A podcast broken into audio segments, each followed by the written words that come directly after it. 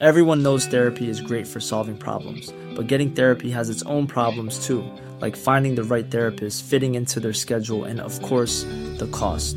Well, BetterHelp can solve those problems. It's totally online and built around your schedule. It's surprisingly affordable too. Connect with a credentialed therapist by phone, video, or online chat, all from the comfort of your home. Visit betterhelp.com to learn more and save 10% on your first month. That's BetterHelp, H E L P. Many of us have those stubborn pounds that seem impossible to lose, no matter how good we eat or how hard we work out. My solution is PlushCare. PlushCare is a leading telehealth provider with doctors who are there for you day and night to partner with you in your weight loss journey. They can prescribe FDA-approved weight loss medications like Wagovi and Zepbound for those who qualify. Plus, they accept most insurance plans. To get started, visit plushcare.com slash weight loss. That's plushcare.com slash weight loss.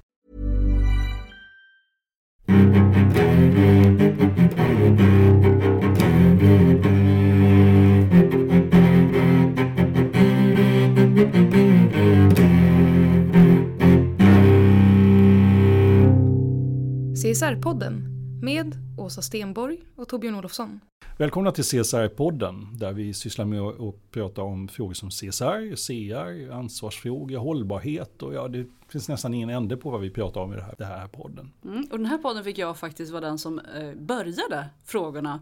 Vi pratade med Anna Borgeryd. Ja men hur känns det? Det var premiär. Ja, det, det kändes, var lite nervös Ja. eh, att, att börja. Vem är hon? Berätta vem man är. först. Ja, eh, Anna Borgeryd är alltså ordförande i Popularbröd. Det är en liten, liten del av alla hennes titlar. Ja, och framförallt så är hon en som har väldigt starka åsikter. eh, Eller väldigt djupa insikter och starka åsikter och säger väldigt kloka saker. Så vi frågade henne faktiskt först, vad är det viktigaste du har att säga? Gå gärna in och kommentera avsnittet på Facebook om du har lust och följ oss där och gilla oss så får vi fler som följer oss. Eh, Men nu, god lyssning. Vi börjar det här avsnittet lite ovanligt för det är faktiskt jag som får hälsa dig välkommen. Det brukar alltid vara Torbjörn som gör det. Mm. Ja. För vi ska ställa en helt eh, startfråga som är egentligen, vad är det viktigaste du skulle vilja framföra i den här podden? Om du går härifrån. Vad är det som du absolut skulle vilja ha sagt? Det är att vi behöver ställa om till en uthållig försörjning. Att sätten som vi försörjer oss på idag inte är hållbara och det betyder ju att de kommer att sluta fungera. Och det känner jag är en sån där sak som vi pratar alldeles för lite om i samhället i stort. Det är det vi ska bära med oss från den här podden. Ja. Om vi glömmer Om, allt om, annat. om, om vi glömmer allt Ja, annat. det är jättebra. Då, Eh, då kan vi sluta nu. Det här nej, var den bästa nu- start vi haft. Ja, Ja, nej, okej. Precis, nu fortsätter vi. Eh, Du, du är ju nuvarande ägare till fam- ett familjeföretag och det startades Ja, en av 1800 flera. flera. 1879 startades det. Ja. Eh, Och det är, du, men du och din syster Karin är Huvudägare. huvudägare. Mm. Ja. Och din syster Karin hon är VD för Polarbröd och du är ordförande i styrelsen. Mm. Vi, har ju, vi har just gjort en omorganisation där Karin är VD i koncernmodern. Ja, Okej. Och vi har en tjänsteman på VD-posten i just Polarbröd AB. Men det är lite så här Mm. bolagsorganisatorisk intern. Ja. och, ja, och jag är ordförande i Polarbröd, ja. Ja. Hur, hur var det att växa upp i ett familjeföretag som bagarbarn?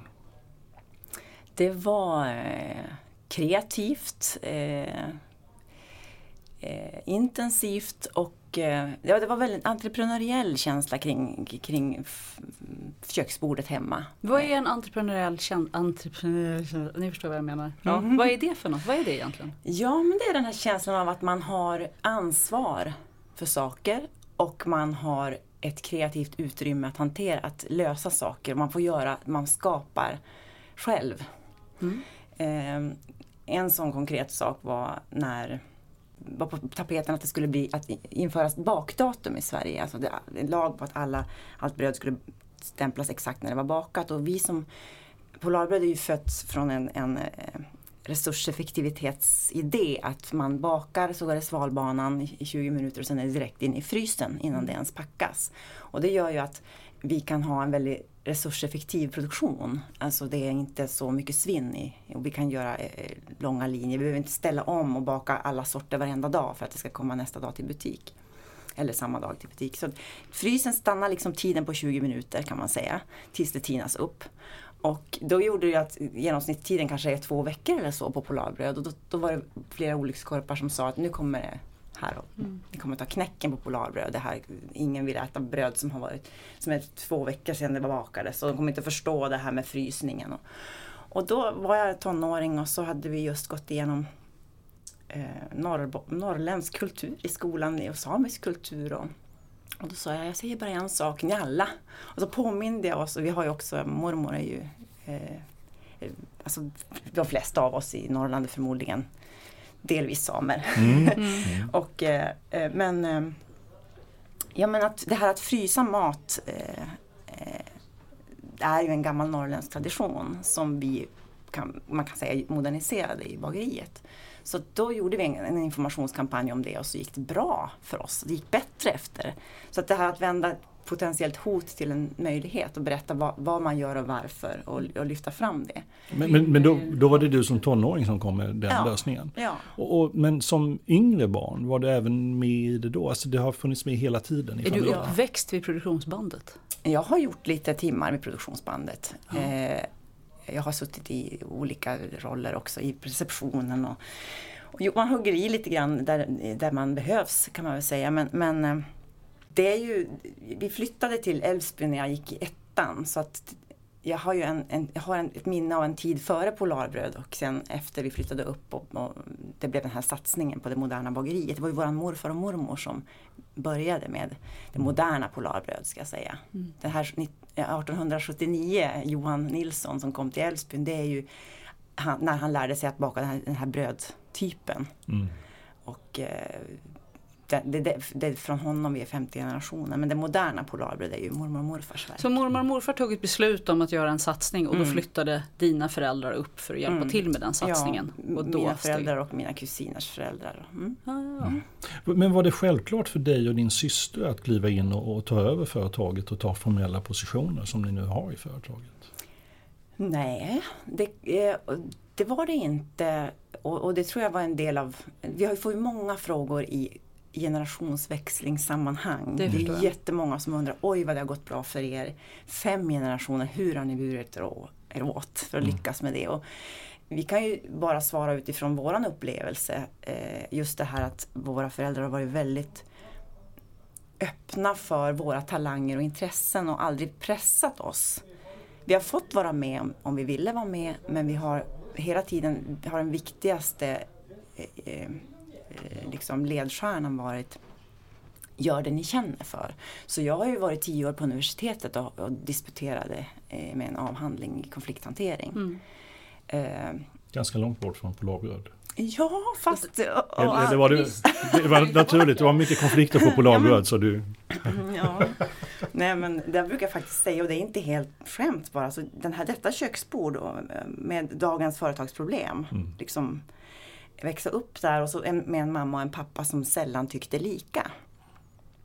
Eh, så var det ju och, det- är en del av den kreativa oenigheten. ja det, måste ju, det låter ju väldigt bra. Ja, det är väldigt bra därför att det lärde mig att en väl, alltså konflikt kan ju låta som att det är liksom strid eller så, men, men en, en konflikt betyder, nu går jag in och är akademiker här, forskningen. Nej men en konflikt betyder ju bara oenighet, oförenlighet egentligen. Eh, och det har jag vuxit upp med att se att lösa upp en väl hanterad oförenlighet. Den leder ofta till väldigt bra beslut. Därför att när de väl var överens, mamma och pappa, då blev det ofta väldigt bra beslut och saker som ledde framåt till, mot framgången. Och där var jag väl lite grann av en medlare många gånger. Att på vilket sätt har han rätt? På vilket sätt har hon rätt? Och så se den resan och, och jag blev väldigt intresserad av. Och dina föräldrar levde livet ut tillsammans. Jag blir så ny- Ja, de, lever, de, lever de fortfarande. lever fortfarande Du, får- som par. Kan vi jag, dem jag istället? måste få frågan, för annars, det De måste vara någon mer än jag som sitter och funderar på. Din mormor och morfar sa du startade upp det, men du pratar Det om fem. Det moderna, ja. Ja. Så ni var två generationer innan, för annars får jag inte ihop det till fem Ja, generationer. nej, men så här. eh, Det mor- förstod de flesta Mor- lyssnare redan förstått. Ja, Okej, det, men jag fattade inte Då, då det. tar vi det igen. Eh, morfars, nu ska vi se så jag säger rätt. Morfars farfar heter Johan Nilsson Ja. och kom vandrande från Örgryte socken. Han eh, ville ut på äventyr.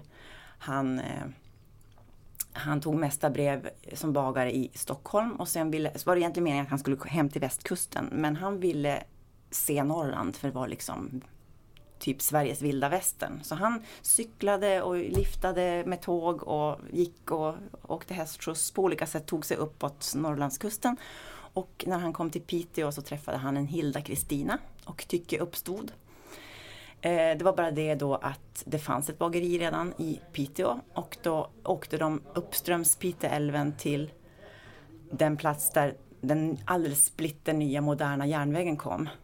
Där järnvägen korsade Piteälven och det var då i byn Älvsbyn och då tänkte de att det här måste ju bli världens metropol. Det här kommer bli Här centrum. ska, här ska vi eh, slå, sätta bo och här finns ingen bagare. Det fanns ju massor med eh, bagarstugor och brödkultur. Men just det här en, en, en man som bakade var också väldigt konstigt i bygden. Eh, men han vann respekt i, hos bygdens eh, brödälskare och lärde sig baka den här typen av bröd då, plats. Så det, det, det är den så att säga 1800-talshistorien. Och sen hade han en son som i sin tur fick en son som var eh, våran morfar. Som också var bagarmästare, bagar, mm, ja, tagit mesta brev och haft eh, konditori och bakat alla möjliga sorters bröd. Men som sen då på 70-talet tog upp sitt, sin farfars gamla recept. Och fick en väldig försäljning på det. Eh, och det var då våran mormor Greta Nilsson som eh, alldeles nyligen har gått bort faktiskt. Som spelar en jättestor roll för varumärket och kommunikationen kring. Så hon tog fram varumärket tillsammans med sin kusin, en handmålad ren mot midnattssols bakgrund. Och tanken var ju då att det var egentligen renklämman som var eh, produkten som skulle ut i världen. Made in Älvsbyn, Sweden stod det på den första förpackningen. Så det, det är grunden till så att säga vad Ja, som har hänt härligt. mellan generationerna. Härligt att höra, för då, då var det, du, du förtydligar ju ännu mer hur tydligt familjeföretag det har varit och hur viktiga generationerna har varit för varandra också här. Så det, det var lite bra att jag ställde den frågan. Nej. Ja, Det var, det var jättebra. Jag lärde mig någonting om, om logotypen, det var väldigt roligt. Sen tycker jag det är skönt när du säger så vandrade upp i Sverige. Det är Ja. som det, ja men det gjorde man ju då på den tiden. Jag har också haft släktingar som har vandrat upp i Sverige så det kände jag mig väldigt hemma. Tänker dina, era barn? Alltså hur, hur ser det ut för nästkommande generation? Tror du att du kommer kunna sitta och luta dig tillbaka och lämna över? Ja, alltså Finns jag den? och Karin kommer säkert att göra likadant som våra föräldrar. Eftersom vi har sett den, alltså att inte, det finns ingen press. Det finns en möjlighet men det finns absolut ingen press. Eh, För att det, det blir kontraproduktivt. Som jag skriver i romanen som vi kanske ska prata om sen. Allting som man gör för att man måste blir liksom lite dött. Det blir lite, lite kramp i det. Eh, och så ska det inte vara. Utan man ska göra det man känner att man vill göra. Och jag, jag ville ju bara disputera, dis, eller forska och sen småningom disputera. Eh, läste psykologi, läste statsvetenskap, intresserad av globala frågor, världsläget. Eh, liksom. Så det, har jag, det är ju min bakgrund, min utbildning. Jag, jag eh, kände väl först när jag var färdig, som hade disputerat och varit erbjuden en lektorstjänst vid universitetet, att jag kanske skulle göra större, större nytta ändå i familjeföretaget. Eh, till min förvåning kände jag det. Men, men det gjorde jag alltså de, första, de, de där tio åren på universitetet, då hade jag, trodde jag inte alls att jag skulle gå in och jobba i, i Polarbröd. Och dessutom var det ju så 90-talet, det gick ju så bra. Mamma och pappa, det kändes som vad, vad har jag att tillföra? De, det går inte att göra bättre än vad de gör. Gör det. Och det är deras grej liksom. Och Karin blev ju journalist. Och alltså gick den utbildningen och jobbade som journalist på olika sätt. Och, Så du, först disputerade du Mm. och sen så bestämde du dig för att komma tillbaka till Polarbröd och då blev du varumärkesansvarig på Polarbröd. ja. Och sen blev du creative strategist på moderbolaget då, Mm, a- antar jag. Och nu är du styrelseordförande i Polarbröd. Mm. Och när man läser på om dig så, så har du en förskräcklig massa titlar. Som man skulle, du är bloggare, eh, du är författare, du är styrelseordförande, du har skrivit filmmanus, du sa precis innan så här, jag har skrivit musik också. Så liksom, är det, vilka titlar har vi missat och vilken av dem är du mest stolt över? Ja, hörru du, alltså det här med titlar. Jag säger inte att det är Vad, viktigt. vad, men nej, men vad, vad, ska, vad ska man ha dem till, eller jag bara jag ska trycka på ett väldigt litet kort ska man trycka in så många som möjligt. Nej men det är väl det att man har, som många människor så har, alltså man kan ju ha många strängar på sin lyra som det heter. Men har ha- inte du ovanligt många strängar på din lyra? Jag vet inte, kanske. Eh, jag är en väldigt nyfiken person som tycker om att lära mig. Det är en grundegenskap. så. Eh, och det leder då till olika... Eh, jag menar att jag provar olika saker. Eh, och eh, det, de här titlarna inom Polarbröd är alla ganska besläktade. Eh, dessutom kan man lägga till den senaste nu då, chefstrateg som egentligen är en, mm. översättning av det här Creative mm. Strategist. Eh, alltså läggningen att vara den, en som håller på och samlar en massa information om omvärlden och försöker översätta det till vad betyder det här i vårt DNA, vårt företags DNA, vad är det vi bör, göra givet det vi nu vet.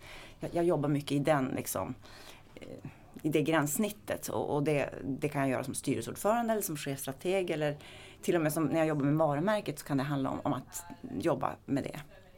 Men du gör det fortfarande, bara, nu menar jag inte bara i bara, mm, men nej. du gör det fortfarande bara för Polarbröd. Du har inte blivit strategisk rådgivare kring hållbarhetsfrågor för matbranschen. Nej, det, ja, alltså man, är ju, man är ju på konferenser och pratar med folk så, men inte så att det skulle behöva vara en titel till. det är väl, vi är väl många som pratar med varandra så, så men, men jag har räckt upp handen när det gäller eh, alltså den här ansvarskänslan, när man vet någonting eller tycker att man vet någonting kanske jag ska mm. säga lite mer ödmjukt. Eh, jag uppfattar att jag, jag, att jag ser saker som, som borde sätta spår i hur vi styr. Eh, jag och många med mig, men mm. vi, vi vet saker om framtiden. Mm. Eh, jag var på ett seminarium där man, de berättar om framtidsforskning som de har fått ganska mycket pengar för, statliga medel. Och så sa representanten för det projektet att vi vet ju, vi kan ju inte veta någonting om framtiden, vi kan bara, vi kan bara göra olika scenarier. Och då invände jag att eh, jo, vi kan faktiskt veta saker om framtiden. Eh, till exempel så vet vi med säkerhet att vi inte kan återupprepa 1900-talet. Mm. När vi gick in i 1900-talet var vi 1,6 miljarder människor om jag minns rätt och, och liksom den tillväxten nästan sju innan och vi fortsätter att växa. Liksom den exponentiella ökningen, det finns inte utrymme för det mm. eh, på planeten. Mm. Så att vi vet att det som, det vet vi säkert att vi kan inte upprepa 1900-talet samtidigt som vi har institutioner och spelregler som antar att vi kan det. Och nu kommer vi in på korsbefruktningen mellan min utbildning, min forskning, mm. eh, författarskapet och Eh, chefstrategsjobbet för Polarbröd. Den här grundinsikten är till nytta i alla de rollerna. Därför att det påverkar liksom eh, vad det är som kan fungera i framtiden. Och vad, det här är några av de arenorna, jag håller med. Så du har ju verkligen packat ett, ett, antal, ett, eh, ett content som det är så fint ibland. Ett innehåll som kommer ut på olika arenor. Är det fler arenor där det här kommer ut på? Du är ute och pratar om det, du är inte ute och rådger om det. Och du driver inga stora framtidsprojekt än, eller är det på väg? Vad, vad kommer mer? Vad kommer efter? Ja, alltså jag har ju ganska fullt upp. Ja. ja, men vad gör du då en vanlig dag när du har fullt upp? För det är ju också lite fluffigt om man försöker förstå hur ser hennes arbetsdag ja, ut egentligen? Jag skriver en vanlig dag. Jag har ju ja, jag kanske justerar styrelseprotokoll, sitter på styrelsemöten, eh, förbereder styrelsemöten. Hur ofta har ni styrelsemöten? Fyra gånger per år i alla, do, alla bolag, så det kommer som en sjok. Liksom, en hel vecka full med styrelsemöten kan man säga. Eh, För hur många bolag är det som, det, som du i så fall är? Är du styrelseordförande i moderbolaget? Ja, nej, i Polarbröd AB. Eh, eh, men jag sitter i styrelsen för, nu ska vi se, fyra är det väl? Okay, Sen är ja. har vi ju fler, vi delar ju upp oss lite. Så. Men, men det är ju ett, ett arbetsblock. Ett annat arbetsblock är att eh, jag jobbar då som, som chefstrateg tillsammans med kommunikationschefen för att eh, hur ska vi alltså, utsticka priset som kommer om mm. ett par veckor. Mm. Hur ska det eventet vara? Hur ska vi lyfta fram pristagaren på bästa sätt? Mm. Eh, hur ska, vad, vad, håller vi, vad, vad skriver vi juryarbetet när vi valde, valde den här pristagaren? Som är Polly Higgins kan jag avslöja, ja, som, vi, som vi vet. Ja. Jaha, det här året. du sa du vem det var som... Det var. Ja. ja, vi tänkte prata om kandidaterna men, ja, eh, nej, men de kan vi stryka dem. Så är det. Och, och, liksom det, det, eh, det är mycket jobb med det, att liksom se till att det blir, vara med i teamet som ser till att det blir bra. Eh, och Almedalen, föreläsningar, skriva briefer till olika uppdrag som vi ger byråer det, det, är ganska mycket content som du Mm. säger som jag känner att jag ansvarar för. Och sen är det ju också den ägarrollen. att jag menar, är det någonstans det går, går lite snett eller är det någonstans vi tappar nyckel, eh, nyckelpersonal, då måste vi se hur ska vi, liksom rekrytering, åtgärder. Det, det, det, det som våran mor har fostrat oss i att, att känna att det, när man äger någonting så har man det yttersta ansvaret. Så då hoppar man in där det finns glapp. Ja, Så vi- man skulle kunna komma till Polarbröd och hitta dig i receptionen igen. Nej, kanske inte numera men, men Vad synd, jag tycker det skulle vara... Det har ju varit väldigt framgångsrikt ert arbete. Ni har ju fått väldigt mycket priser, alltså du och eh, Polarbröd. Ni har fått Beautiful Business Award 2013 och ni hade Årets förebilder 2015. Stämmer va? Du, du ser lite Ja, tveksam det, ut det, jag känner inte exakt igen beskrivningen. men, men, men, jag, vi har tagit fram det så jag, jag tror att vi har, vi har korrekt upp. Och är det fel så det kan vara fel på årtal men ni har fått de här priserna Stora förnybarhetspriset fick vi också. Ja. Mm. Och, och är, det, är det du och din syster som har fört in hållbarhet i Polarbröd eller fanns det tidigare? För att, eh, du, du har ju beskrivit hur familjen har fostrat er och, och den andra finns, men är det ni som har fört in hållbarhetstänket i Polarbröd? Eh, ja och nej. Mm.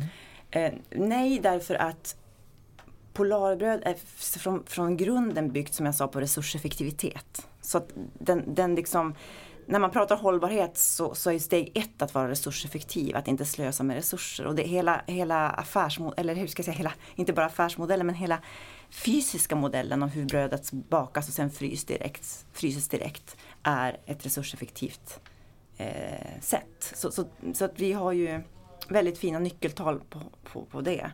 Eh, så, och det är ju redan morfars tid eh, som, som det byggdes upp. Sen har våran pappa gjort, haft en stor roll i att, att trimma och förfin, förfina och fixa så att det blir bättre och bättre, effektivare och smartare lösningar. Han har gjort uppfinningar i bageriet. Han har spelat en jättestor roll för, för framgången.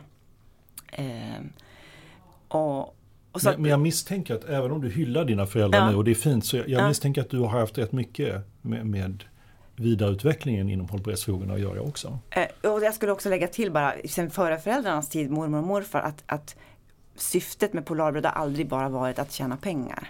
Att, tjäna, att, att gå med vinst är viktigt. Men det är ett medel och inte det slutgiltiga målet. Medlet för att nå upp till andra mål som till exempel oberoende, Eh, eh, att, att nå ut i världen med någon, alltså med stolthet nå ut från, i världen med någonting från världsklass från den här lilla byn i Norrbotten, Norrbottens pärla som mormor sa och liksom sträckte på sig så. Eh, att det är arbetstillfällen på små orter och sådär. Det, det finns en massa sådana siffror, vi är liksom i ryggmärgen att vi gör det här för att det ska vara bra också. Det är, liksom det, det, är det som, vi, vi gör det inte för att vi ska krama ut maximalt med pengar. Är det, är det i ryggmärgen det ligger eller ligger det i bolagsordningen? Nu ställer jag en så här teoretisk krånglig fråga. kanske, i hjärtat men jag är kanske. lite nyfiken. För, för, men har ni skrivit det också? Liksom, finns det uttal? För jag visst, ni lever det. Och det är ju en fördel när Mm. det finns så mycket familjemedlemmar med fortfarande. Men står det även uttryckt i själva grundstatuten för bolaget? Eller? Det beror på vad, vad du menar med grundstatut. Vi har ju skrivit ner syftesformulering, alltså varför. Vi gjorde ett syftesarbete 2012, jag och Karin ledde det med, med ledningsgruppen i Polarbröd. Och, och sen också med ägarna har vi gjort och, och, och liksom sätta ord på vad, vad, det jag sa för en stund sedan. För det du, det du far efter, det är ju att att ja, det fanns en bra grund. Eldrivna bagerier, resurseffektiva, eh, en, en företagskultur som handlar om att skapa mer värden än bara överskott på pengar. Eh, Det var en jättebra grund. Men sen till det så tillkommer ju insikten om försörjningsläget i världen. Och därför kan man väl säga att Det har ni tillfört. ja, det har, det har du rätt i att det kommer med vår generation så att säga. Och, eh, och det har ju hjälpt att ha mig där som en forskartyp som varit ute och nosat och, och sett de här, vad man skulle kunna faktiskt, eller vi behöver kalla för systemfelen som vi, som vi har. Eh, Så, så det, det är nästa nivå på en bra grund och den kommer med vår generation. För, för med din generation kom också det extrovert, alltså ni har ju blivit mycket mer tydliga och att vara ute och agera. Du åker runt på konferenser och berättar och pratar om det här. Det gjorde väl kanske till dina föräldrar i samma utsträckning misstänker jag? Eller gjorde de det? Nej. Nej. Nej, men de blev inbjudna och fick lite, några priser också. Och sådär. Men, Ja. men just det här att ha en tanke om det var ju heller inte lika akut läge måste vi ju komma ihåg. Mm. Nej, Alltså- vi är samma generation som är födda med miljöproblemen. De Ja, var inte globala på Jag menar innan. nu finns det en verklighet att förstå som inte kanske var så tydlig på 70-talet eller 80-talet. Så, så det handlar ju om hela tiden att, att för ansvar betyder att svara an. Att svara an på en situation. Och jag tycker att det är det vi be- behöver göra både i vårt företag men i hela samhället. Alltså, nu är det så här. Det är faktiskt så att vi övertrasserar planetära gränser. Sätten vi försörjer oss på idag är ohållbara. Linjärt jordbruk, eh, fossildrivna eh, flöden. Det här, vi måste bygga om dem för annars så, så, så går det illa. Vi, vi, vi liksom konsumerar upp saker nu som, som inte längre kan finns kvar i, i framtiden. Den här tratten, vi pratar om naturliga steg, att vi går in i en tratt av minskat utrymme för liv och välfärd. Och det är väl den insikten som vi försöker agera utifrån. Men du, ni, ni har allt det här, alltså, du är som sagt ute och pratar väldigt mycket om, om de här frågorna och på ett väldigt stort plan. Men, men ni, ni gör väldigt lite av det på förpackningen vad vi kan se. Så vi, vi tittade lite inför vi skulle prata med dig och, och jag menar det går inte riktigt att läsa sig till på Polarbrödsförpackningar att ni har det engagemanget ni har i de här frågorna. Är det, det måste ju vara ett medvetet beslut att ni inte ville ha det. Ja, när det gäller förpackningar så är det ju massor med saker som ska in. Det är innehållsförteckning och eh, eh, information om eh, Fast det går ju alltid att klämma in någonstans. Ja, det vi har är ju vindkraftssymbolen bakat med egen vindkraft. Ja. Det är ju en konkret sån sak som, som eh, man då bedömer också från våra råd, marknadskommunikationsrådgivare. Det här är lätt att förstå. Men sen andra saker som vi gör till exempel att, att eh, vi har en 39-punktslista för ett vänligare, ett bättre vetemjöl som vi har tagit fram tillsammans med Lantmännen. Och att det handlar om att man har lärkrutor och eco-driving och precisionsgödsling. Och det, det ryms liksom inte på en förpackning och förklara det. Det här är ett, vi jobbar med ett bättre, vi köper 10 000 ton bättre vetemjöl varje år. Vi jobb, går vidare mot drog, vi har råg, eh, satsningar på inga, inga stråförkortningsmedel, liksom förbättringar på det normalodlade eller hur mycket hur- att vi, att vi eh, säljer ganska mycket eko, ekologiskt på storhushåll. Eh, Det, det är sånt som, det går liksom inte att berätta allting på Nej, men du skulle synd? kunna berätta, du skulle kunna ha, man skulle kunna ha så här, vi har 100 punkter för att förbättra, förbättra världen, läs dem på vår hemsida. Alltså det får plats Ja, på nu en kommer påse. ett tips här. Ja, nej, men det, det är ju väldigt struligt eftersom Ja. det, jag har redan andra som... Men min poäng är att säga att man kan ju presentera något i kortform. Ja, ja, ja. Och eh, påsar har ju den här liksom, mjölkförpackningseffekten av att man, Man sitter och stirrar på dem ibland. på och, sitt och, köksbord. Ja, vid sitt köksbord. Och då vet vi att då kan man ha bonus. Alltså, ni har förvånansvärt lite. Ja, du har ju Oatly till exempel. Oatly är ju en, ett sånt företag som verkligen har integrerat sin Ja, kommunikation absolut. med sin Mm, förpackning. Den, den liksom är ett på något sätt och tumlar runt. Och Där är ni inte riktigt. Ni Vilket är konstigt, för ni har så mycket att skriva. Oj vad spännande att du säger det här. Ja, att ni säger det. Ja, nej, men vi, vi, jag ska säga som det är också. Vi har väl en liten intern dialog där det är inte säkert att alla mm, hos oss tror att folk är så intresserade av. Alltså, hur ska jag säga? Det finns de som säger så här. Varför ska vi berätta om hur, hur, tufft världsläget är? Nej men det behöver man inte göra. Men ni kan berätta vad ni gör för att förbättra världsläget. Ja, för ja. det är ingen idé att berätta om att det är kris, för det vill ingen köpa bröd för att det Mm, är kris. Men om man däremot säger vi jobbar proaktivt med LRF för att förbättra, förbättra mjölet. Det är ju liksom en post, det är Mm, bara ja. en just budskap. Men annars var det ju rätt kul. Världen är i kris. Köp Polarbröd. Nej, men liksom, för för, för, för varför? Varför gör vi då de här ansträngningarna? Alltså, man kan ju tycka att det är lite fånigt med en tre- punkt 39-punktslista för ett annat mjöl än det vanliga mjölet. Inte Eller man kan dugg tycka... det är imponerande. vi, ty- vi tycker det är inte dugg fånigt. Är Här är jätteimponerad. Nej, ingen som säger emot. Nej men jag menar bara att, att på något sätt så är grund, just, liksom, det, man står, det vi står på är ju varför gör vi det här? Och det är ju för att vi behöver bygga om försörjningen. Och, och det finns, och vi har liksom två arenor lite grann. Det ena är nördarenan där jag håller till. Där folk, jag, vi pratar på Almedalen, jag twittrar det är mitt, ett, ett viktigt verktyg för omvärldsbevakning i försörjningsfrågan. Så att det är minst lika mycket för att lyssna som för att tweeta själv som jag är på Twitter. Och, och, och, och så. Och, och, och, det är många som liksom tycker att ja men gör det du där borta. Vi säljer bröd. Och vi säkrar Ja. råvaran. Ja, jo naturligtvis. naturligtvis. Alltså det finns en, en verkstad som gör. Mm. Men just när det gäller kommunikationsdebatt, vi är inte riktigt det är en, en resa som vi är på. Hur ska vi, vad vill våra konsumenter egentligen veta? För nackdelen, bra nackdelen med, eran, med den här resan det, är att det, det tog ju mig ett tag innan jag träffade er första gången och sen så tog det ett tag innan jag lyssnade på er. Och då började jag köpa Polarbröd. Men den resan var ganska lång. Nu är min son så trött på Polarbröd så att jag får smyga hem det faktiskt ska jag erkänna. Men, men min poäng är så här, det, det, det Allt finns bröd är bra mat relativt Ja. sett ska jag säga. Hem, hembakt bröd. Men det, det här med att det finns en massa människor idag som faktiskt vill handla mat som gör skillnad. Ja. Och då har- ger inte ni någon hjälp att berätta att ni gör skillnad. Och, och där, det kanske inte är så att det behöver vara det största märket men det behöver vara någonting. Och det finns de här nördarna som också går från att läsa på lilla texten på förpackningen till att också googla på hemsidan. Och nu måste vi hjälpa dem, för det är den rörelsen som är på väg att hända hoppas vi. Så att det behöver, jag är inte ute efter att dominera men att någonting mer än, än ingenting nästan hade varit jättekul. Ja men tack, jag tar med mig den. Ja, vi skickar med den bollen. En sak som du och jag har inopererat i ryggen det är ju systemvillkoren. Ni jobbar väldigt mycket med naturliga steget och Ja. du är en av de här som, som eh, fundamentalt köper tratten och de fyra systemvillkoren. Eh, tycker, jag brukar ställa i början av utbildningar som jag håller, ställer jag frågan, är vi på väg att bli mer eller mindre hållbara? Det brukar vara så här, startfråga. Vad skulle du svara på den frågan? Om vi går och lägger oss och går Vilka är vi? Världen. Världen. Mänskligheten Ja, liksom. I'm Sandra, and I'm just the professional your small business was looking for. But you didn't hire me because you didn't use LinkedIn jobs. LinkedIn has professionals you can't find anywhere else, including those who aren't actively looking for a new job but might be open to the perfect role, like me. In a given month, over 70% of LinkedIn users don't visit other leading job sites. So if you're not looking on LinkedIn, you'll miss out on great candidates like Sandra. Start hiring professionals like a professional. Post your free job on linkedin.com/people today.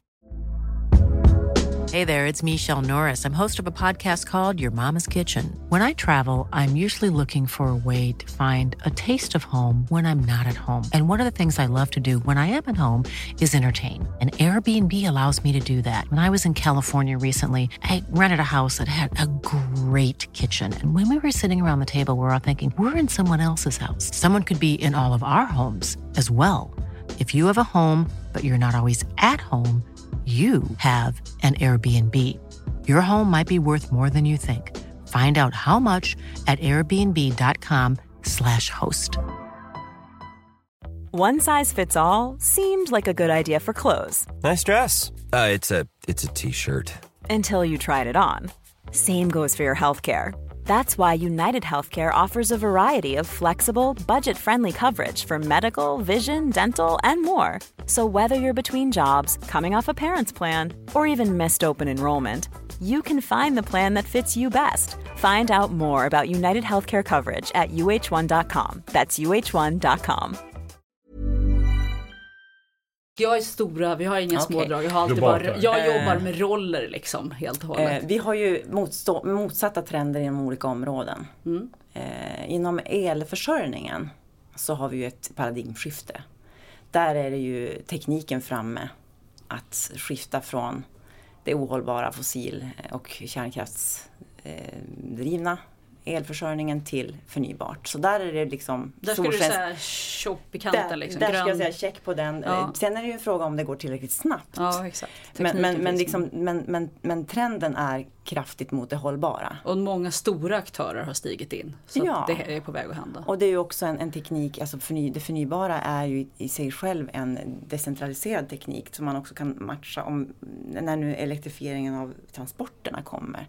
Om vi tänker antalet elbilar eller elbussar eller vad, vad, alla de här kommer att vara ett distribuerat eh, batterinät. Så att det här med att man måste lagra eller leverera, det gamla tanken att man måste hela tiden leverera exakt an, antal elektroner som ska, som ska användas en eller annanstans exakt i realtid. Det, det blir mer och mer liksom omodernt. När vi El får... är en färskvara, häftigare än mjölk. Det jag, den, Ja, men, men tänk er då hur många, när det börjar bli ett antal elbilar där ute när man laddar bilen på, på natten hemma. eh, och- Eller, eh, eller när elen är billig. Eller, alltså det blir ju som en helt annan flexibilitet i systemet. Eller när bilen kör upp till mig just när jag behöver den istället för att den står i mitt garage. Ja. Då blir man ju ändå glad. Ja, så- ja men så el är check. Ja, Ja, eller el, el är positiva. Ja, energiförsörjning är ja, check i. Precis, men jag menar Var har vi motsatt trend tycker? Ja, det är ju hela alltså finanssystemet, sättet vi skapar pengar på som, som kräver exponentiell tillväxt. Det är ju fullständigt ohållbart. Redan innan vi pratar om ekologisk hållbarhet Mm. så, så, så är det ju så att säga i sig själv inte hållbart att, eh, att penningmängden växer e- exponentiellt. De ekonomiska systemen måste göras om totalt. Vi Ja. måste ha en ny ekonomisk modell. Ja, och där är jag lite försiktig. För ekonomiska system kan låta så abstrakt och så blir det bara så här som ett moln och så, jaha, så säger man det och så vad betyder det då? Men, men jag tror att en konkret sak är att tänka, alltså hur skapar vi pengar? Vem får skapa pengar?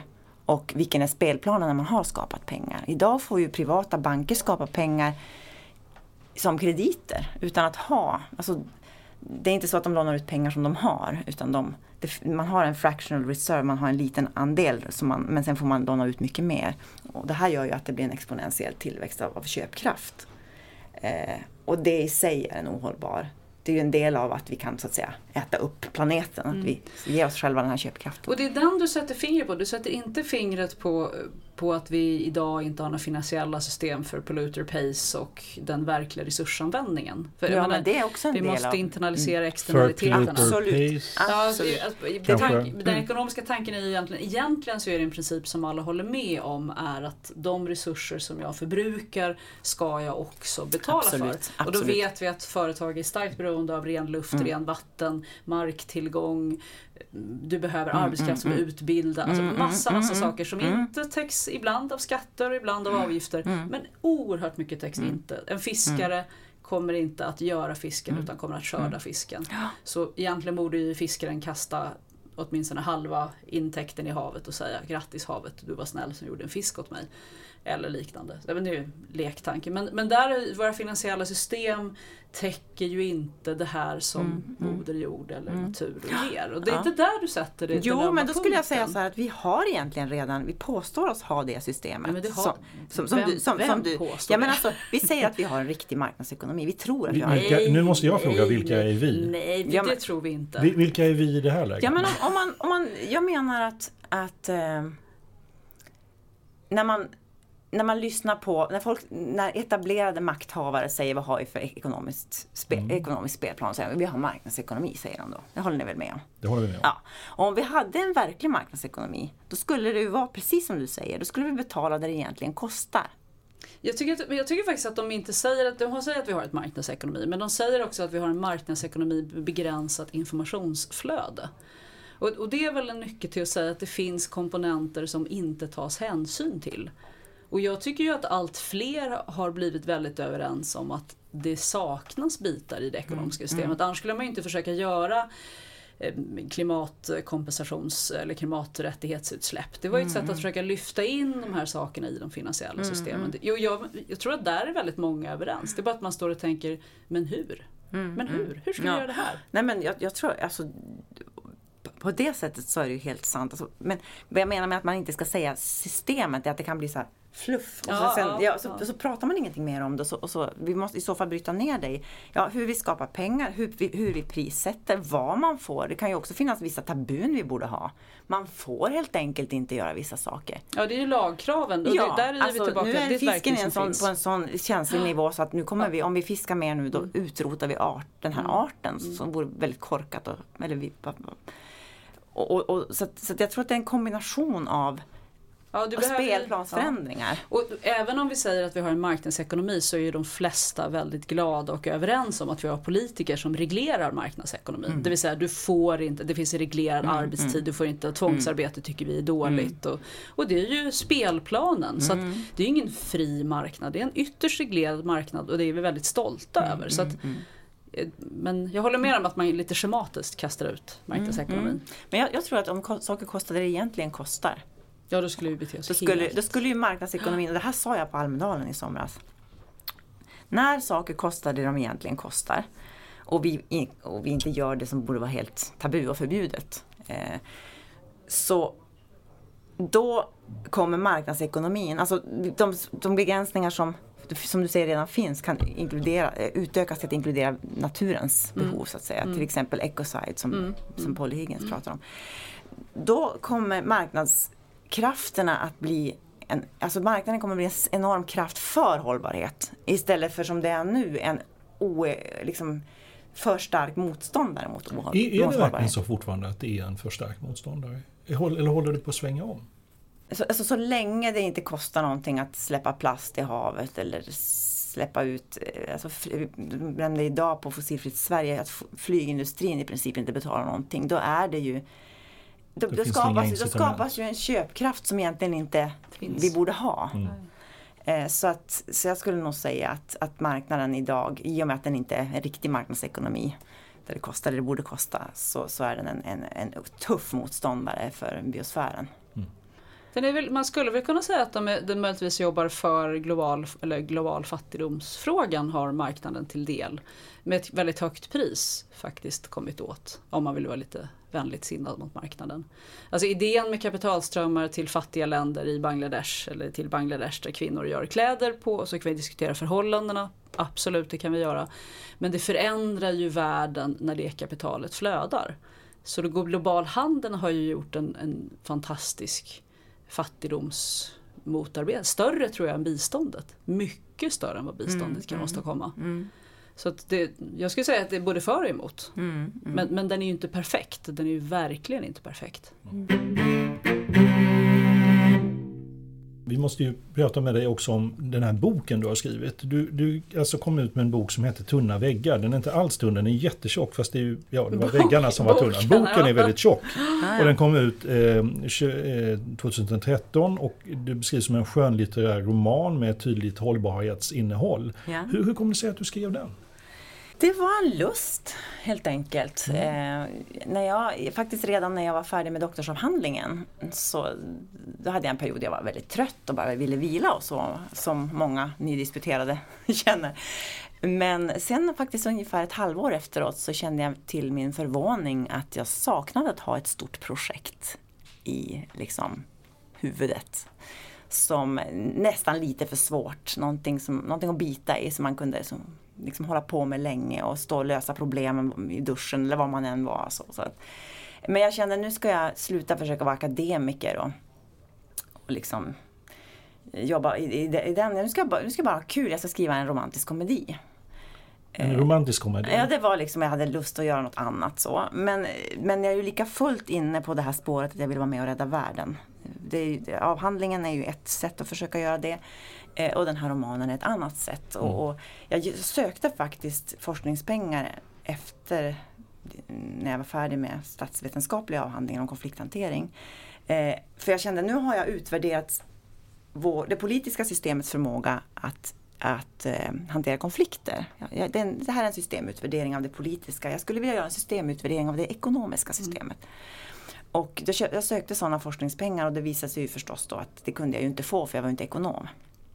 Så då kan man egentligen kan man säga att, att den här romanen är istället för den, jag gör samma jobb i en annan form, det jag hade lust att göra nämligen att att, eh, alltså vad, tror, vad är det för grundantaganden som ligger till grund för hur, hur ekonomiska spelplanen ser ut och hur, och hur är det egentligen?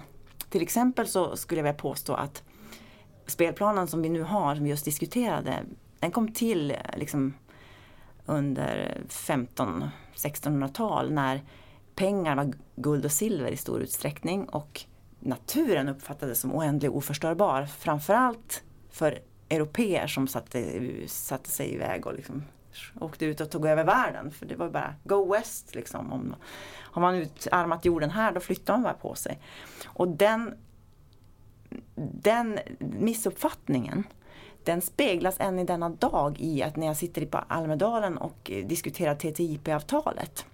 TTIP, nu måste vad är det? Ja, det är ett så kallat handelsavtal som man ville driva igenom framförallt från eh, Som förhandlas bakom lyckta dörrar. Ja, och som, som handlar väldigt mycket om att flytta makt från politiska eh, från stater och parlament och så till stora multinationella bolag som när de har gjort en investering i ett annat land vill skydda den investeringen och sen ska om vi, om vi säger då att, att man gör en investering i eh, i Sverige och så, och så gör vi, inför vi en hårdare lagstiftning. Miljö eller hälsa eller så. Och så förlorar de pengar på det någon annan som har investerat här så ska man kunna stämma svenska staten. För att, Och, det- och detta har ju hänt. I Mexiko Ja, ja, till ja, exempel har ju... Det- det har hänt och det finns, det finns, vad jag vet så har faktiskt Vattenfall stämt Tyskland. För att man ville. Så stänga vi, kärnkraften. Sverige har stämt också? Ja, det, ja, så, så ja. det, inte, det har inte bara just med det här avtalet att göra men, Mm. men själva attityden att kapitalet är det viktiga som ska skyddas och det andra ska ge vika. Det är ju exakt den här logiken som jag just beskrev. Mm. Pengarna är begränsade tror man och naturen den kan man liksom bara den finns det hur mycket som helst av, den är oändligt oförstörbar. Och så, och, och så är det i själva verket tvärtom. Pengar kan vi nu skapa som jag sa genom en knapptryckning. De som har rätt att ge krediter. Det kan vara bara från ingenstans har man plötsligt en massa kapital. Som man investerar och, ska man då med dem eh, ta över naturresurser och kunna mm, förbruka dem och, och sen stämma andra som vill skydda det. Jag tycker det jag tycker det barockt faktiskt. Jag tycker det är oacceptabelt. Därför det är ju naturen som är Men- de men du, verkliga eh, resurserna. Om vi bara återvänder till boken, Tunna väggar. Det är budskapet i boken. Jag förstår det, men när, vi, när man tittar på lite grann beskrivningen av den så, så hamnar den, då beskrivs den ibland som chickligt. Alltså, eh, Och som är ju en genre, ofta böcker skrivna av kvinnor för kvinnor och skildrar ofta yngre kvinnor i storstad. Det är en vanlig målgrupp. Lite grovt beskrivet. Ja, ja. Sådär. Eh, Håller du med om den beskrivningen? Är den chickligt? Ja, alltså den här romantiska komediansatsen är ju, det är ju en, ett, ett maner och en, en, en, en hur ska jag säga? Jag ville att det skulle vara underhållande. Och sen är jag ju kvinna och skriver om en kvinna. Så att om man vill kalla det för skickligt. Nu är det inte, hon är inte jätteung, hon är 30 i alla fall. Och hon är inte i en storstad. Eh, och det handlar om eh, det handlar om både om kärlek och personliga relationer men det handlar också om makroekonomi. Och det var en väldigt spännande resa därför att jag hade inte tänkt ut intellektuellt det som sen dök upp i slutet på romanen. Nu säger de ju att man bara använder ungefär max 5 av hjärnan så att jag kanske hade tänkt ut det på något annat plan som jag inte är medveten om men det var liksom så här, jaha, titta här den här parallellen ifrån den personliga relationen, den hittar man igen i det ekonomiska systemet. Samma bekymmer dyker liksom upp, samma dilemman, samma lösningar. Och, och, och det, då slog det mig, jag lärde mig liksom av den skrivprocessen att ja men det beror på att ekonomi ytterst handlar om relationer. Så att det finns liksom en... Det må vara e-, e-, en skickligt roman ur att det handlar om, om en kvinna och hennes relationer och, och kärlek och så men det är inte en vanlig eh, sån roman ur ett eh, Alltså greppet det tar, det spänner ju över en... Det är en, liksom en nutidskommentar. Som också, allt som är på makro... Allt makroekonomiskt i boken är dokumentärt. Så det är liksom allt som refereras till har hänt i verkligheten. Och det är också väldigt viktigt för mig för att det, det, skulle, det, det här... Jag gör inte det här som en sci-fi grej. Alltså som en... Tänk om det vore så här. Utan det makroekonomiska är faktiskt, det, det är det som är liksom forskningsbaserat så. Eh, och eh, vi håller faktiskt på att eh, det finns, det ser ut att kunna bli tv-serie av den här nu. Jaha.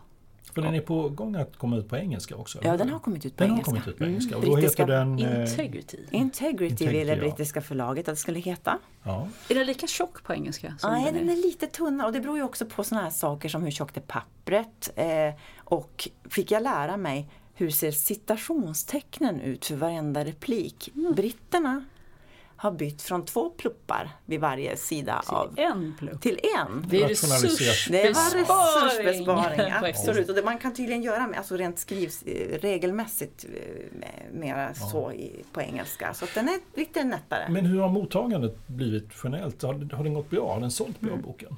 Ja, det, det, alltså den första upplagan är så gott som slut. Eh, och, men det är ju inte varit någon jättestor, eh, kanske kan det vara 4000 som, eller något sånt där. i Sverige och sen, jag har faktiskt inte riktigt koll på senaste siffran från, från eh, England. Men, men för att vara liksom en, från det här lilla förlaget också, eh, perspektiv så tror jag att det är en ganska ganska bra. Jag, jag erkänner glatt att jag har inte läst den. Jag kommer naturligtvis göra det direkt efter det här mötet fastän inte jag är målgruppen då. Men Åsa, du har ju läst den. Ja, ja Så du får väl ge en recension då. En del har ju fått den, alltså läst den vill jag säga också, som e-bok. Mm. Ja, jag har läst den som fysisk bok ja. då också. Nej men nej, jag, den, den, är, det, jag är ju ekonom. Så att för mig var mycket av det som var det ekonomiska systemet var jag såhär, ja, oh, det, ja, det håller jag med om, ja, det är riktigt. Och sen är det ju en ovanlig genre att kombinera liksom romantik och du skriver ekonomi, liksom, ekonomi och en egentligen en aha-upplevelse, för det är ju en aha-resa. En, en person, hennes, ja, nu ska jag inte avslöja för mycket, men hon och flera runt henne genomgår ju en, en, en personlig resa och en personlig upptäcktsresa. Mm. Inom ekonomi? Inom ekonomi. Bitvis ska jag också säga så, så hörde jag min egen presentation av systemvillkoren i boken. Ja, vilket var lätt underhållande sådär. eh, men nej, möjligtvis lite lång. Jag vet, mm. någonstans på slutet så började jag krokna och tänkte nu hoppar jag fem sidor sådär. För, för nu har jag, förutsett vad som ska hända. Men, men absolut. Och, men som ansats så är den ju ovanlig. Det finns ju en del böcker på beskrivningen i genren. Till exempel Scen och konsten att sköta en motorcykel. Känner ni till den boken? Mm. Som blandar filosofi och teknik på ett mm. liknande skönlitterärt sätt också. Så det finns ju böcker inom om man Inom genren, pratar den ja. genre att man bland, Ty, tycker du att det, Ser du att det här är en genre som, eller, och ser du andra verk där du säger att den här, det som du vill åstadkomma med den här boken av att blanda insikten kring resursutmaningar, ifrågasättande av ekonomiska system, ser du det i annan litteratur eller film? Ja, det kommer ju mer och mer. Eh, men det, ja, och det finns ju den här genren som kallas för cli-fi. Alltså när man beskriver kanske dystopier i framtiden mm. när, när det har hänt, alltså när grad, grad, genomsnittsvärmningen är si och så hög och det har fått de här konsekvenserna. Um, jag tänker också på Interstellar. Mm. Som ju är en film som är i, i den genren att ja, det, vi sumpade jorden mm, i princip. Ja. ja, vad ska vi göra nu? Uh, och uh, där, där, där, har jag lite, alltså jag mådde, mådde inget bra efter att ha sett den filmen. För jag, jag tyckte att det, liksom, det ska föreställa då en, ett gott slut, att han klarade sig. Förstår ni? Att mm. ska, man ska liksom tycka att det var en happy ending. Medan när det är en sån fruktansvärd tragedi att hur många miljarder människor och hela arter och hela har gått åt så att säga på vägen. Eh, så, så den, var, den, tyckte jag var faktiskt känslomässigt riktigt jobbig. Om man tar in vad den, vad den skildrade så är det ju hemskt. Jag tror också att det är en liten yrkesskada. Nu ska jag avslöja en personlig fenomen. Jag var på Kolmården och såg Kolmårdens eh, delfinarieshow som handlar om att jorden håller på att gå under. Och det är ju egentligen bara en sättning och man kan tycka att det är en fin historia. Det är väldigt liksom, Disneymusik vid orkester och sånt där.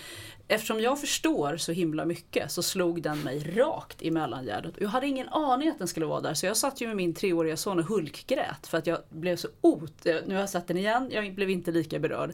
Men det, var, liksom, det drabbar ju en när man jobbar med de här frågorna mer man kanske läser in andra saker? Man förstår mer av sammanhanget. Det här är inte bara en ö som ser lite tråkig ut utan det här är de facto så. Det, alltså jag vet lite för mycket mm. så att man mm. slås ju på ett helt mm. annat sätt av av, men jag, jag ska säga, jag tycker att det förekommer i, i, i det, mer och mer, eller bitvis, och det mm. kommer ju även i sakfrågor. Mm. Har du läst Det som en gång var? Av Helene Granström. Nej, inte ännu. Nej, jag, det, den kommer du gilla. Den mm, kommer du gilla mm. mycket. Fantastiskt. Jag var tvungen att sluta efter halva för att det blev för jobbigt. Hon avslöjade mina lögner vilket var ingen bra historia. Så finns det något som heter Globalans. Mm. Som du, vad, vad, är det? Det är mitt bolag där boken ligger så att säga. Okay. Och det är där också som vi nu jobbar med att eh, filmatisera en tv-serie, alltså pre-production, pre-production jobb eh, ja. för att Är castingen klar? Vi Tänkte pratar... du vara med? Ja, jag, har vi chansen att, att, vara med eller är det för sent? Castingen är inte klar. Vi pratar om några namn men det är ju Åsa, hemligt. du har chansen. Jag är förlorad. Det vara en annorlunda karriär. Ja, nej men det är jättespännande faktiskt därför att det som den här, alltså det, det som den här har som, som jag inte har sett på så många andra, jag har naturligtvis inte läst allt som finns skriver. Men, men just den här kopplingen till varför För att förstå ett problem är halva lösningen, står det också i romanen. Alltså, om vi bara skildrar en tragedi, som Delfinshowen eller Interstellar, mm. då får vi liksom en sorg. Det, och, och en, ett ödesmättat, så här kan det gå. Men för att, alltså hela min drivkraft är ju att vi, vi behöver göra det bästa av den här situationen. Vi behöver göra vårt yttersta för att lösa framtids alltså säkra framtiden. Och då måste vi ha verktyg som baseras på varför, vad är det som driver, vi är till exempel mm, rörande eniga vetenskapligt om att vi övertrasserar planetära gränser. Okej, okay. men vad är det som driver, driver de här övertrasseringarna och, och eh, vad kan vi göra åt det? Och det är det som jag också vill göra, nu när vi jobbar med treatments i pre-production-fasen för tunna väggar. Thin Walls är arbetsnamnet för, för tv-serien. Eh, det är att ännu mer utforska och visa drivkrafterna bakom att det blir som det blir. Och också försöka spåra dem till oss själva. För allting är ju inte så att det är någon ond där ute som...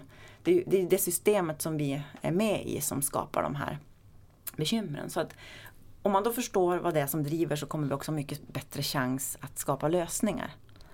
Eh, det är det som är drivkraften bakom att vilja nå ut med den här berättelsen. På ett annat sätt som ni förändrar världen det är ju att ni har sedan eh, 2012 instiftat något som heter Utstickarpriset. Ja. Och det var det du nyss alldeles släppte här. Att, ja. att årets vinnare är alltså Polly Higgins som är alltså miljöadvokat. Va? Mm. Den stora rockstjärnan inom det, inom mm. miljörörelsen. Och hon slog då ut till exempel Elon Musk, Musk heter han va, från mm. eh, Tesla. Tesla. Och även Laurent Fabius som är utrikesminister i Frankrike. Det är ganska tunga kandidater. Ja, vi hade en tuff, eh, alltså juryn hade jättefina nominerade i år. Att, att, och, och det här var ju så att säga final. De här tre lyfte vi fram som särskilt värdiga nominerade. För det är klart att Elon Musk och Laurent Fabius är ju har gjort, har gjort och gör fantastiska insatser för, för att säkra framtiden. Mm. Eh, kan de få ett annat år eller är de förbrukade nu? Nej, de det har... tror jag nog i och för sig att de kan. Ja. Eh, men vi kände nog ändå att Pollys eh, arbete för att kriminalisera allvarlig skada mot biosfären är en intressant ny...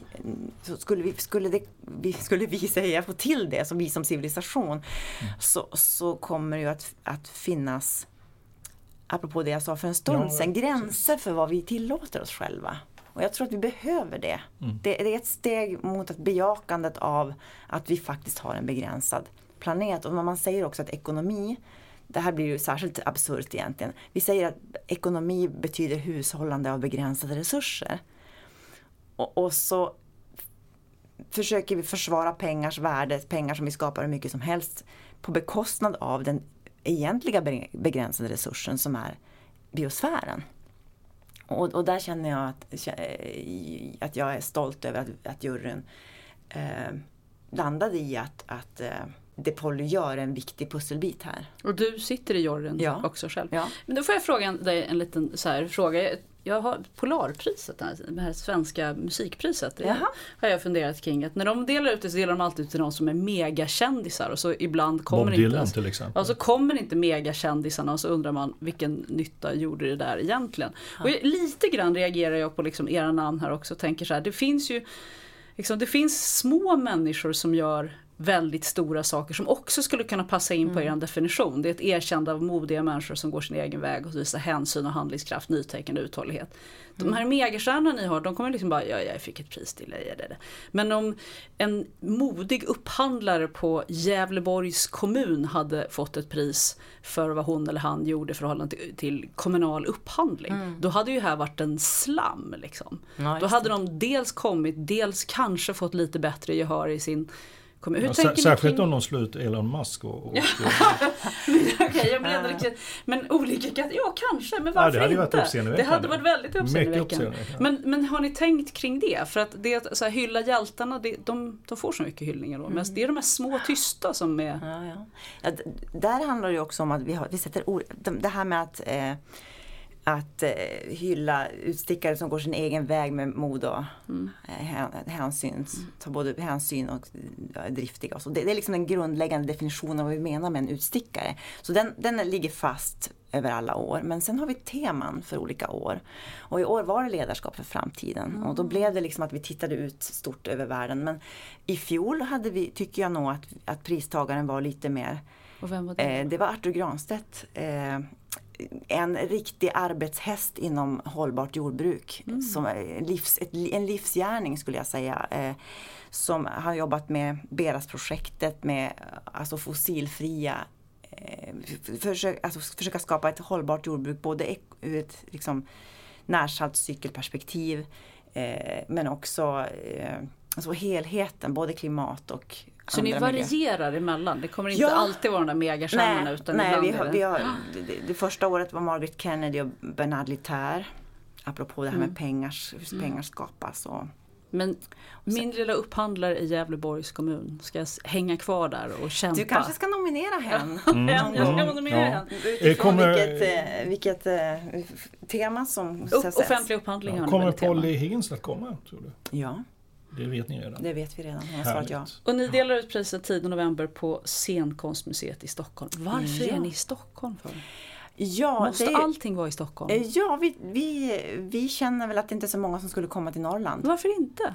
Jag skulle jättegärna komma. ja, men det blir ju tråkigt också. Det blir så här, vi, har, fick ju, vi hade ju en rörelse där vi fick väldigt många att komma ut, hjälp mig, utanför Dalarna, utanför eh, Tällberg. Tällberg. Alltså, Mm. Är det inte dags att sätta en ny Tällberg? Ja, det kan ju vara en idé i och för sig men, men vi upplever väl att när det gäller vårt opinionsbildar och nätverksarbete så är det eh, viktigt att vara här ibland. Mm. Och tala med liksom huvudstadens aktörer. Eh, men eh, Samtidigt som det är lite deprimerande för då blir det alltid på deras spelyta och de kan alltid gå hem och gå på ett annat möte samtidigt. Skulle man komma till er så skulle det bli en, en happening. Och ni har ju så mycket att visa och dela. Har man en, en ren på en färgglad bakgrund då känns det som man vill umgås med renarna ja, Så- nej, jag, kan- jag kan ta hem En den frågan. Ja, ta med dig. vi den också.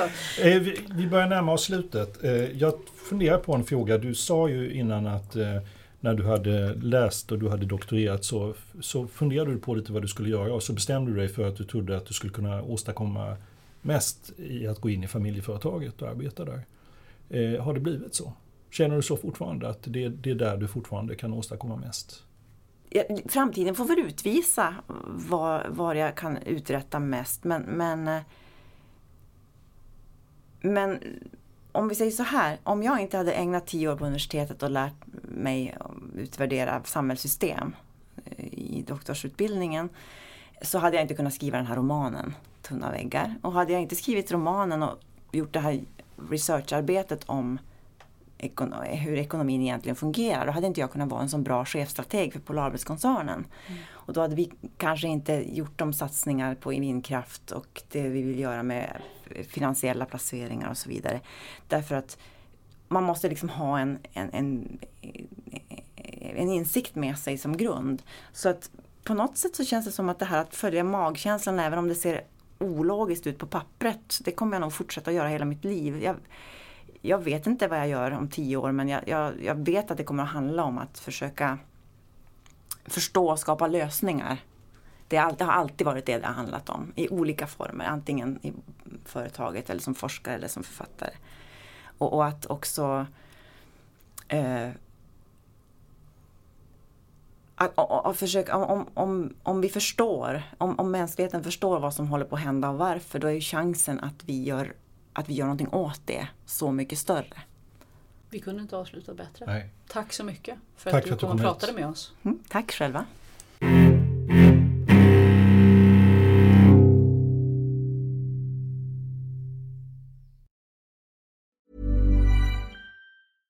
Imagine the softest sheets you've ever felt. Now imagine them getting even softer over time. That's what you'll feel with Bowl and Branch's organic cotton sheets. In a recent customer survey, 96% replied that Bowl and Branch sheets get softer with every wash. Start getting your best night's sleep in these sheets that get softer and softer for years to come. Try their sheets with a 30-night guarantee. Plus, get 15% off your first order at bowlandbranch.com. Code BUTTERY. Exclusions apply. See site for details.